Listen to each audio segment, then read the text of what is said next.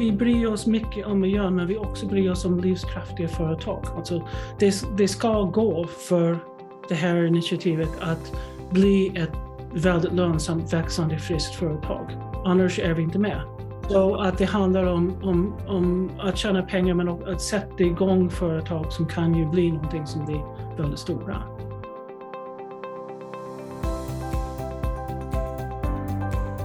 Välkommen till ett eh, nytt avsnitt av Konkurrenskraft, podden där vi pratar om eh, framtidens beslutsfattande, verksamhetsstyrning och eh, ledarskap.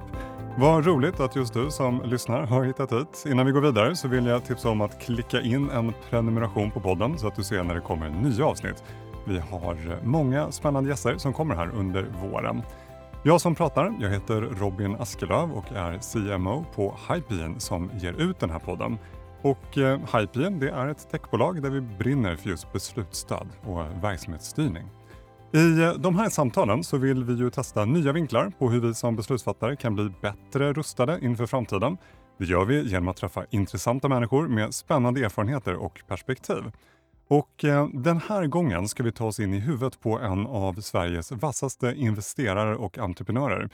Jag pratar om eh, Jane Valerud. Varmt välkommen Jane, hur, eh, hur står det till? Ja, det är jättebra. Härligt. Glad att få vara här. Tack för att jag får vara med. Ja men kul. Vi, vi pratade precis innan. Jag ser ju dig på en skärm nu. Vi kör här på distans och du är uppe i eh, fjällen. Du har en superhärlig bakgrund. Eh, är det där du tillbringar dina dagar just nu? Just nu är det en hel del fjällen. Uh, det är nog var mera under 2020 och 2021. Ja, jag, jag är lite sugen på att träffa folk på stan också. ja, det, det kommer nu när restriktionerna faktiskt äntligen släpper. Eh, du är ett känt namn för många, vet jag. Men för de som inte känner till dig så kan jag bara ge lite kort bakgrund. Du eh, beskrivs ibland som kvinnan bakom Klarna, en av eh, 2000-talets eh, främsta investerare. Eh, det finns eh, fler världssuccéer i ditt bagage. Jag nämnde Klarna, andra exempel är Tobii och Lensway. Eh, ska man prata lite lister också, för det är alltid kul, då finns du med på Dagens Industris lista över näringslivets mäktigaste kvinnor, där du kallades för Sveriges okrönta riskkapitaldrottning. Det är en härlig titel. Vi kommer ju komma in mycket på det här i samtalet. Vi kommer ju fördjupa mycket kring eh, din, din bakgrund, men som övergripande beskrivning, tycker du att det där funkar eller missar jag något uppenbart? Det, går, det utmärkt. Jag tycker det är lite pinigt. så är det alltid när man får titlar kastade på sig och olika mm. utdrag från listor. Men du, vi kommer komma in på, på mycket, för du har hunnit med mycket under dina år.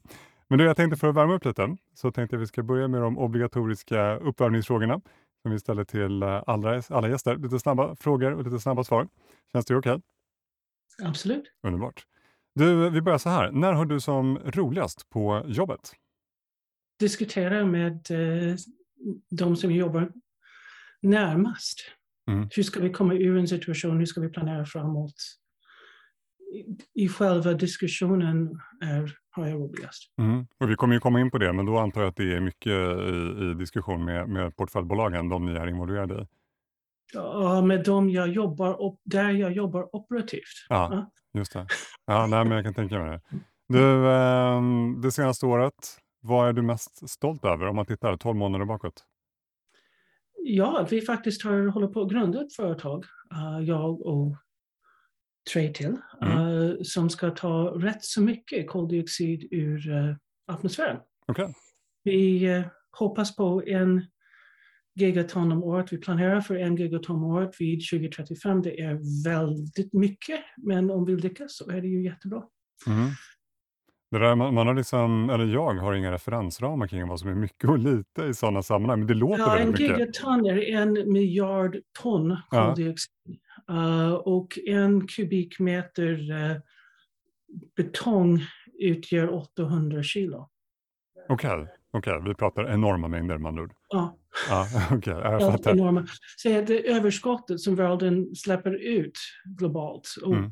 som är för mycket vi har 51 gigaton om året just nu. Ja, just det. Okej, okay, här pratar vi stora förändringar. Det skulle vara 2 av överskottet, det vore ju väldigt bra. Ja, det, det får man väl säga. ja, spännande. Du, eh, var får du inspiration någonstans ifrån till, till det du gör på dagarna? Ja, det finns ju så, jag har ju på något sätt kommit in i en position där jag kan faktiskt göra skillnad på de några av världens största problem. Mm.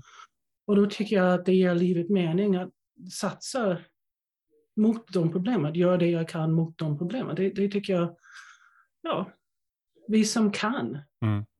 får faktiskt göra någonting åt det. Vem annars ska göra det? Du, eh, jag tänker att vi ska kasta oss in efter den lilla intron i själva intervjufrågorna. Eh, Det finns mycket som jag tänker att jag ska hinna prata med dig om, så att eh, vi har höga ambitioner med, med många frågor här under, under den här stunden. Okej. Jag ska bli kortfattad. Nej då, för sjutton, det ska det inte behöva vara. Men jag tänkte vi skulle börja med, med Klarna, för att som jag nämnde, för, för många är du ju känd som eh, den första investeraren i, eh, i Klarna, den första som egentligen såg potentialen i det bolaget och gick in med en investering. Kan inte du bara berätta, hur gick det till? Den, liksom, det, Lite bakgrund är nog nödvändigt här. Mm. Um, ni ser det inte nu eftersom jag är på distans och ni har inga referensramar. Jag är, jag är helt enorm. Jag är både lång och, väldigt, och, och tjock. Okay? Det betyder att jag inte, och jag har stora fötter. och allting är bara, jag kan inte köpa kläder eller skor i vanliga affärer. går inte. Det- De har inte i sitt sortiment. Uh, och så har det varit sedan jag var 13-14. Jag var smal, men ändå uh, inte fötter. har man 42-43 centimeter så finns de inte. Va? Mm. Uh, så att jag hade blivit van vid uh, att handla per distans länge. Mm. Enda sättet att få kläder annat än att sy själv, och det kan jag också. Mm. Uh, skor är svårare. Uh, och därmed så visste jag om att distanshandel var någonting som var rätt bra. Och i början av 2000-talet så hade jag väninnor som sa åh vilken snygg jacka. Och jag sa ja, jag köpte den på nätet. Och de sa åh, vågar du? Mm. Och då sa jag ja, men då visste jag därmed att det finns en stor marknad. Och att det fanns en allmän rädsla för att handla på nätet. För som konsument så visste man inte om saker och ting skulle komma. Mm. Och som affärsidkare på nätet så visste man om man skickade iväg en utan att ta betalt så visste man inte om man någonsin skulle få betalt. Ja. Och, den här, och Klarna gick in och um, gjorde, löste det problemet och löste det genom att egentligen vi skulle betala på samma sätt som vi var väldigt vana vid, alla vi svenskar, med, med blankgiro. Mm. Uh, och tog riskerna och det tyckte jag var en väldigt bra idé. Mm. Så att um, det var med anledning att jag, har, jag är en fysisk person jag är. Som jag såg uh, Klarnas potential redan när de ja, var del av underhållning på en julfest på Handelshögskolans inkubator 2004. Mm. Så är det. Och eh, då höll de tal. Jag var på min tredje glas vin. och, eh, så, ah, och satte ner vinglaset. Min väninna som var där bredvid mig sa oh, du sätter ner vinglaset, det här är allvar. Och eh, jag gick och, och eh, med hjälp av um, Ulf Eriksson som var föreståndare där Mm. hittade Sebastian. Jag var inte den enda som var på min tredje glas vin så det var ganska högljutt. Mhm. Vi drog oss bort bland uh, kappor och stövlar. Och egentligen gjorde affären där och då. Och då är det Sebastian, alltså han som fortfarande är, är VD Ja, för, precis. Just. Uh, och uh, då lovade jag uh, hitta tekniker som kunde göra det här. Mm. Och jag ringde det gänget på vägen hem och sa att nu har vi ett. Mm. Och ja, den vägen är det. Mm. Ja, men kul. Lyssnade Och på... sen skulle de faktiskt registrera bolaget i februari. Jag, fick, jag betalade för grundarnas aktier för de hade inte råd med det. Ja, det var på den nivån. Du var så tidigt ute. Ja. ja, det, är ju, det är en jättekul historia. Jag, Mm. jag lyssnade på Sebastian, eh, vars efternamn jag, jag, jag aldrig lär mig att uttala. Kan du det? Semiatkovsky. Ja, så är det va? Just det. Semiatkovsky. Just det. Nej, men jag lyssnade på eh, söndagsintervjun eh, ganska nyligen där, där han var med. Det är ju en otrolig resa de har gjort sedan dess. Ja. och de får ju brottas med både helt otroliga möjligheter men såklart också massor med utmaningar. För det är såklart, i takt med att de växer, i takt med att de får miljontals kunder så, så uppstår ju andra typer av utmaningar som, som, som de inte Ja, behövde hantera alltså, det är förut. helt fantastiskt hur Sebastian har växt med uppgiften. Alltså det är, det är riktigt, riktigt imponerande. Mm, nej, men för det är ju samma person som du stod med där i kapprummet och, och faktiskt ja. stängde den här affären. Det är, det, det, det är roligt tycker jag. 23 år gammal ja. i kapprummet. Ja, är jättekul.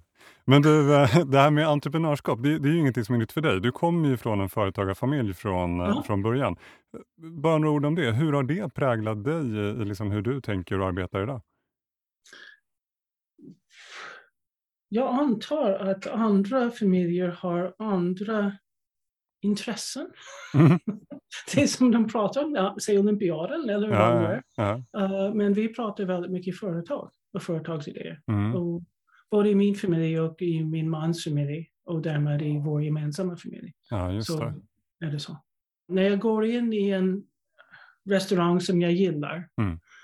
uh, typ Divan då på Valhallavägen, mm. som var en verkligen hål i vägen, mm. i, hål i väggen för 12 år sedan. Och nu är de tre gånger så stora och har en massa Foodora och Uber Eats och sånt som hämtar hela tiden och de har flera anställda. Och jag blir själaglad, för jag vet hur kämpigt det är. Mm. Och jag är så glad. Och det är en sak som jag tycker man är som företagare, man i allmänhet gläds åt andras framgångar med företagen också. Mm. Jag vet inte om andra människor tänker så när mm. de går in, in, i en restaurang. Mm. Nej men precis, du ser ju historien bakom och du ser kämparinsatserna. Eh, ja. ja nej, men jag kan tänka mig det. Men, och jag blir glad för dem. Ja. ja. Nej, och, alltså för, för dig, som, som jag har tolkat i alla fall när, när jag läser om dig, när jag läser på, alltså det här med entreprenörskapet har ju, har ju liksom väglett dig under, under många år. Du har ju varit investerare i, i flera bolag eh, och det har ju mm. gått jättebra. Jag nämnde Klarna, eh, Tobii, Lensway, men sen så har ju... första största. Ja, ja nej, men exakt. Nej, men och mm. sen, sen har ju du också varit inne rent praktiskt och, och jobbat i och, och växt bolag mm. också operativt. Jag tänker på Bluetail. Du var ju med och grundade det, du arbetade i det för att sedan mm. sälja bolaget för 1,4 miljarder efter bara 18 månader. Det är ju, mm. är ju säger helt galen tillväxt. Var, var det där på Bluetail som du la grunden kring rent, rent praktiskt operativt hur du tänker kring att bygga och utveckla bolag eller hade du även det med dig sedan tidigare? Om jag kunde vara mentor åt den Jane som var för 23 år sedan så hade jag nog kunnat hjälpa rätt mycket mm. nu. Uh, jag har lärt mig väldigt mycket sedan dess. Men visst, det gick jättebra. Mm. Absolut. Mm. Mm. Men uh, nej, jag tror att man måste fortsätta lära sig hela tiden.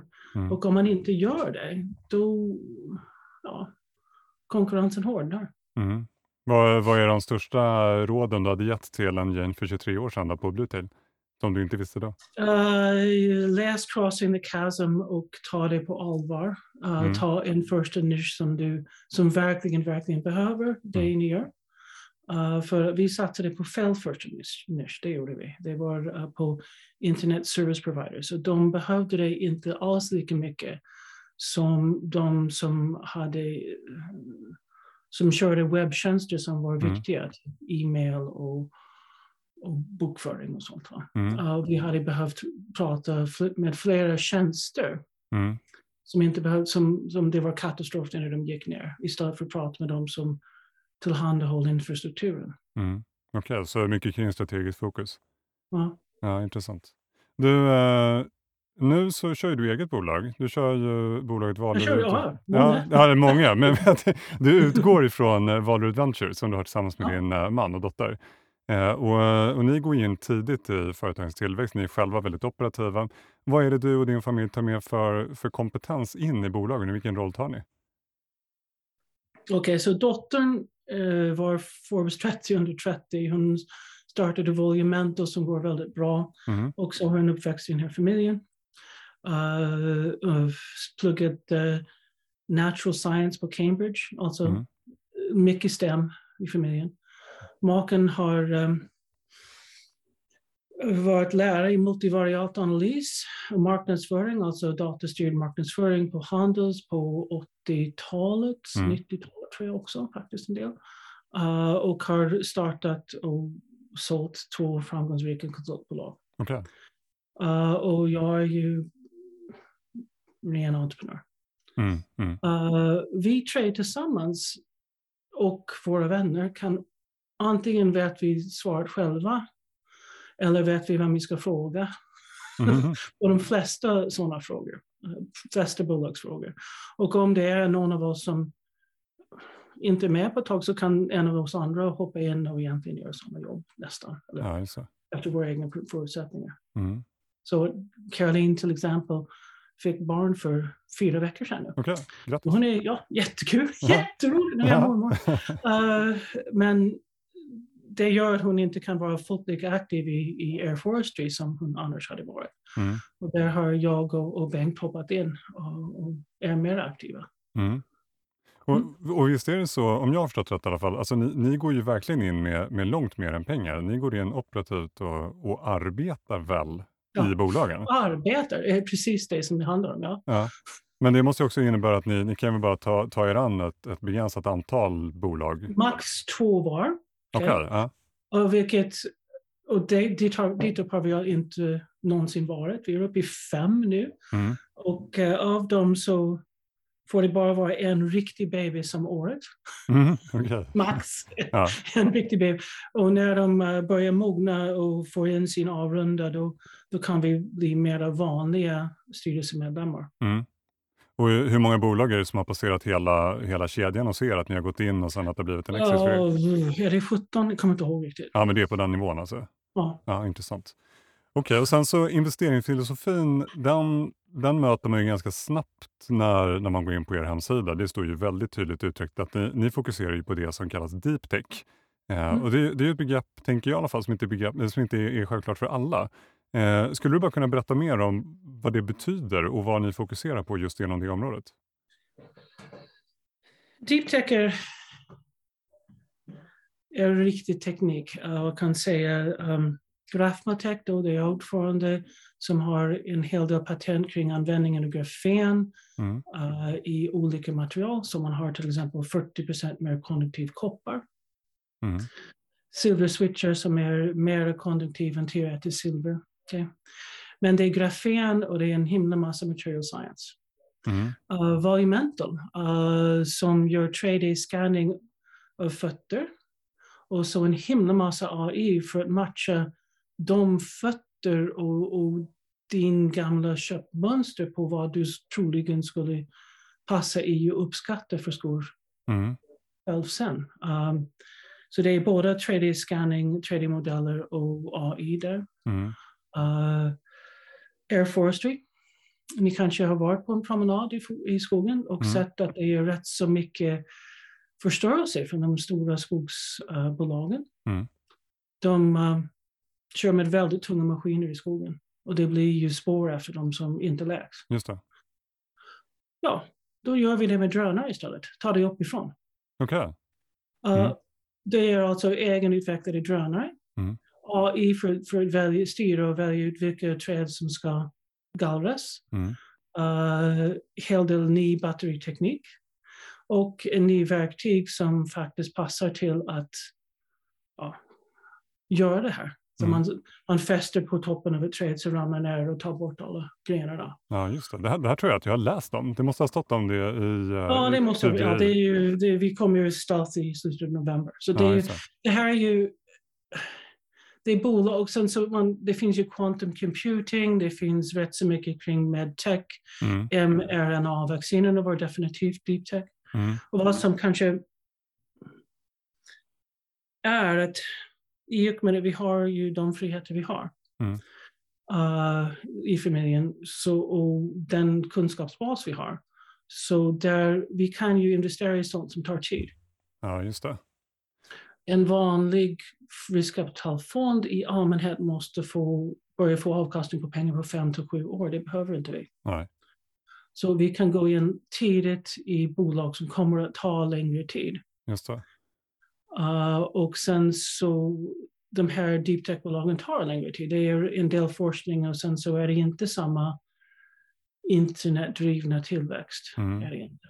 Men då, då låter det som att Och då, men vi gör det för att lösa de stora problemen just nu som är, handlar ju om naturen Ja, just det. planeter.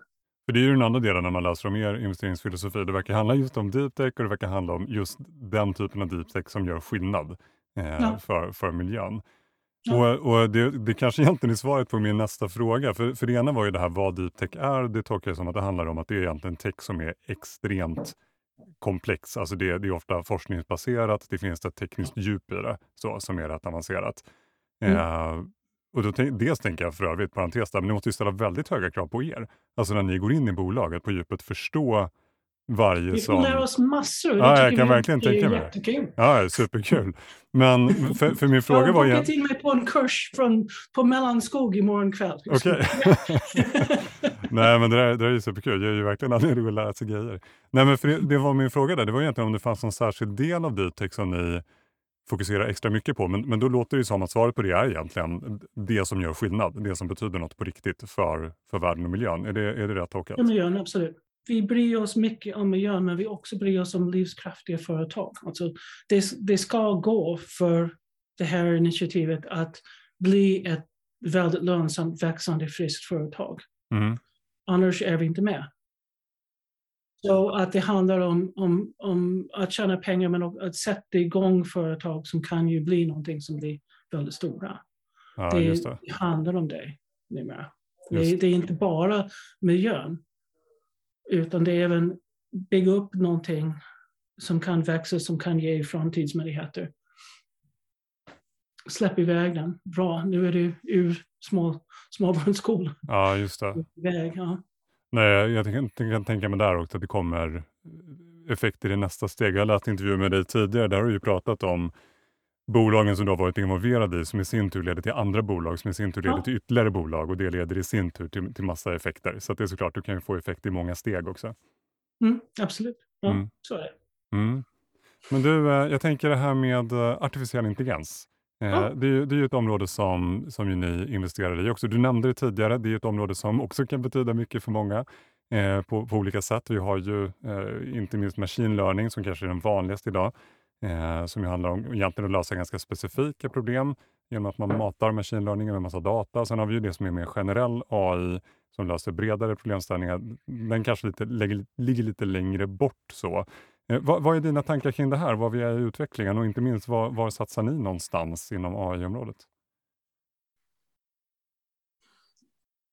AI gör alltså, det som de flesta av oss kan göra just nu, eller ser just nu, gör prediktioner mycket billigare, Mm. mycket mer.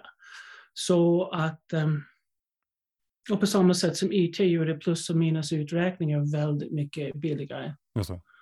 Uh, så, ehm, så gör AI eh, förutsägelser mycket billigare. Mm. Och det kan ha väldigt stora effekter. Uh, i, ehm, det är inte tal om artificial general intelligence. Det här är bara givet din, hur dina fötter är utformade. Mm.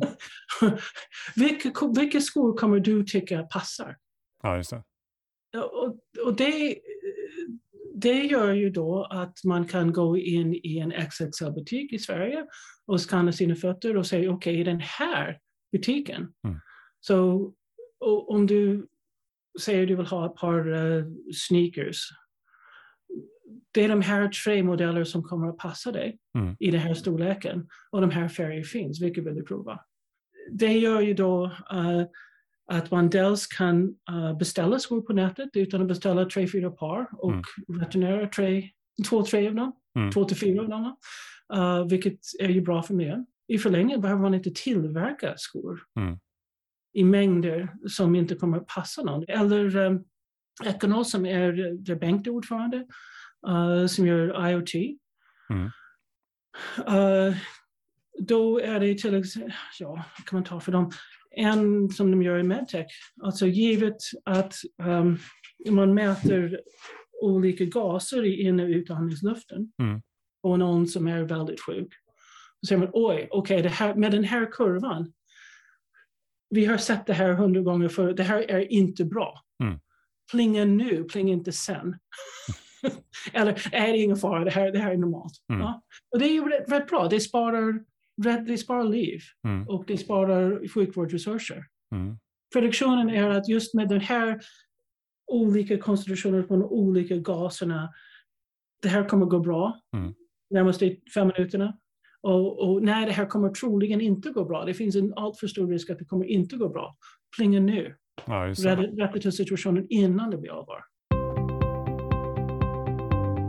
Alla de sakerna vi pratar om nu, det här är ju, det är ju teknikutveckling eh, på massa olika fronter. Då, och det Mm. kan ju såklart påverka olika typer av yrkesgrupper en hel del. Jag tänkte bara skulle prata lite om det också, vad du har för tankar där.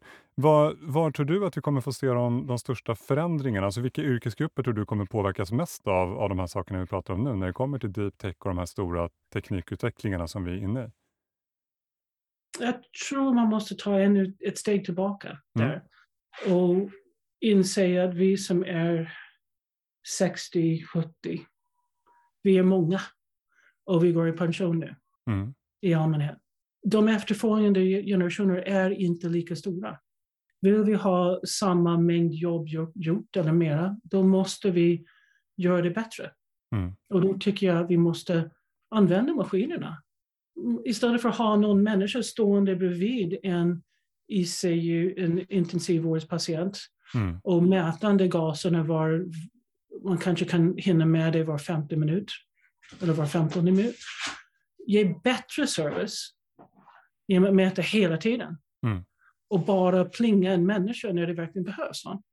Det, vi måste bli mycket mer effektiva för det blir, just nu ser det ut som i alla fall hela världen förutom Afrika uh, går mot befolkningsminskning. Och Ja, vi vill ändå ha det minst lika bra som tidigare. Va?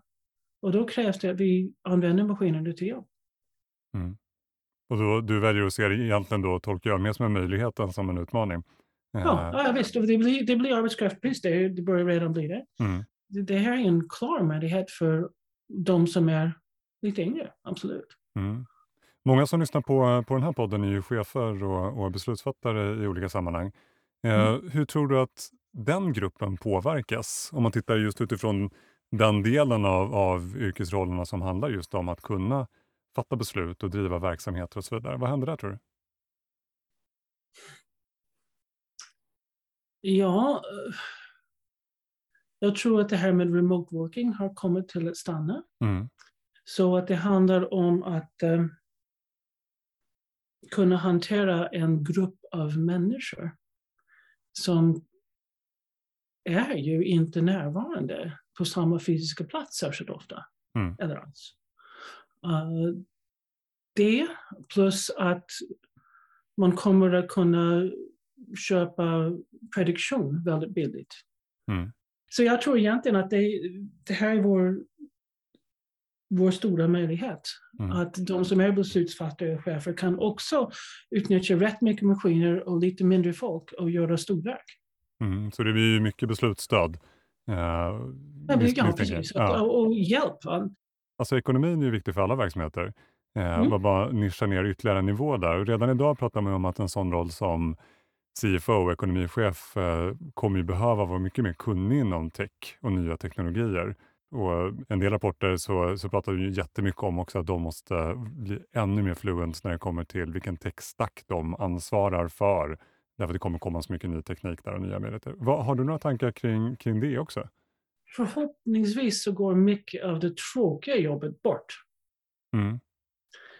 Redan nu så tar jag foton av mina kvitton för nya bolaget och skickar in det till Fort Knox och, och det försvinner. Liksom. Just det. Jätteskönt. Okay? Uh, det är inte någon människa som måste titta på det Mm. särskilt mycket. Mm. De kan ju, de får ju inte det. Men det är rätt så mycket som inte, mycket jobb som inte behöver göras. Så det är väl rätt bra. Mm.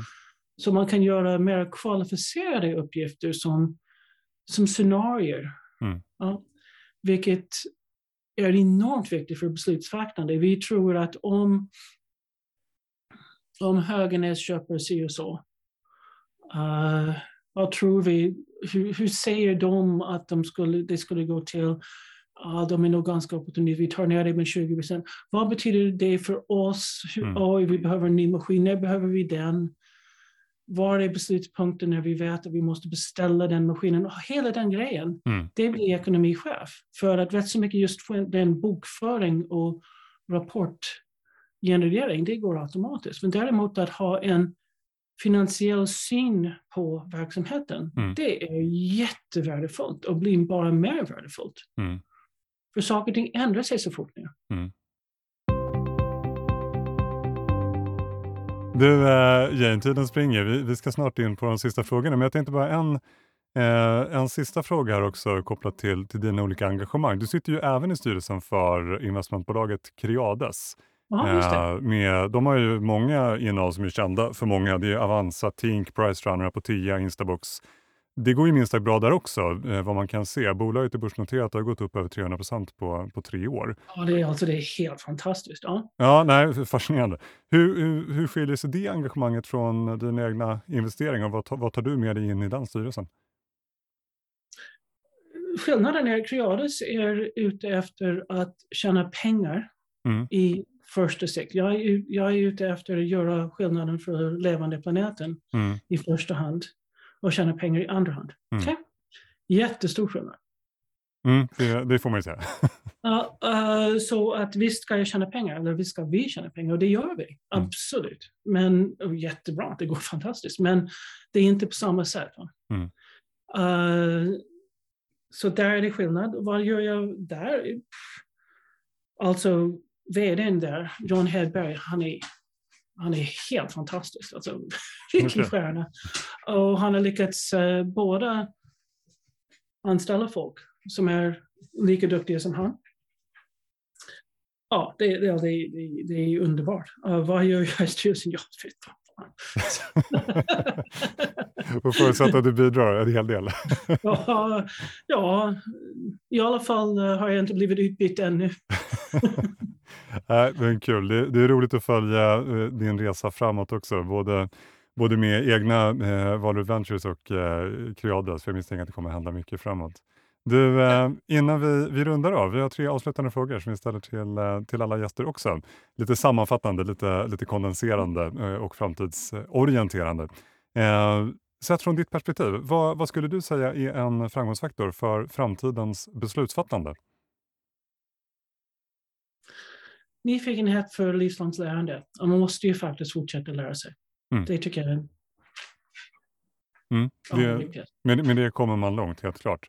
Vad är Mm. nyckeln till eh, framtidens bolagsbyggande? I och med att det är färre anställningsbara människor framöver Mm. och att de kommer att sitta i fjällen när de vill det. Så, så gäller det att hitta sätt att formera en gruppkänsla och mission och vision och kolla vad folk faktiskt åstadkommer de dagarna. Och då finns det just nu, det, det är den stora grejen och sen just nu är verktygen väl week, weekly commits och OKR och MIGs och allt de här, att man följer upp rätt ofta om Mm. vad man tänker göra Mm. den här veckan. Um, men eh, det kommer säkert många fler bra grejer Mm. framöver. Mm, ja, säkert, säkert. Eh, slutligen, nyckeln till eh, framtidens ledarskap? Ja, det är, jag tror inte det är annorlunda än det var tidigare. Det gäller att rekrytera folk som kommer att passa Mm.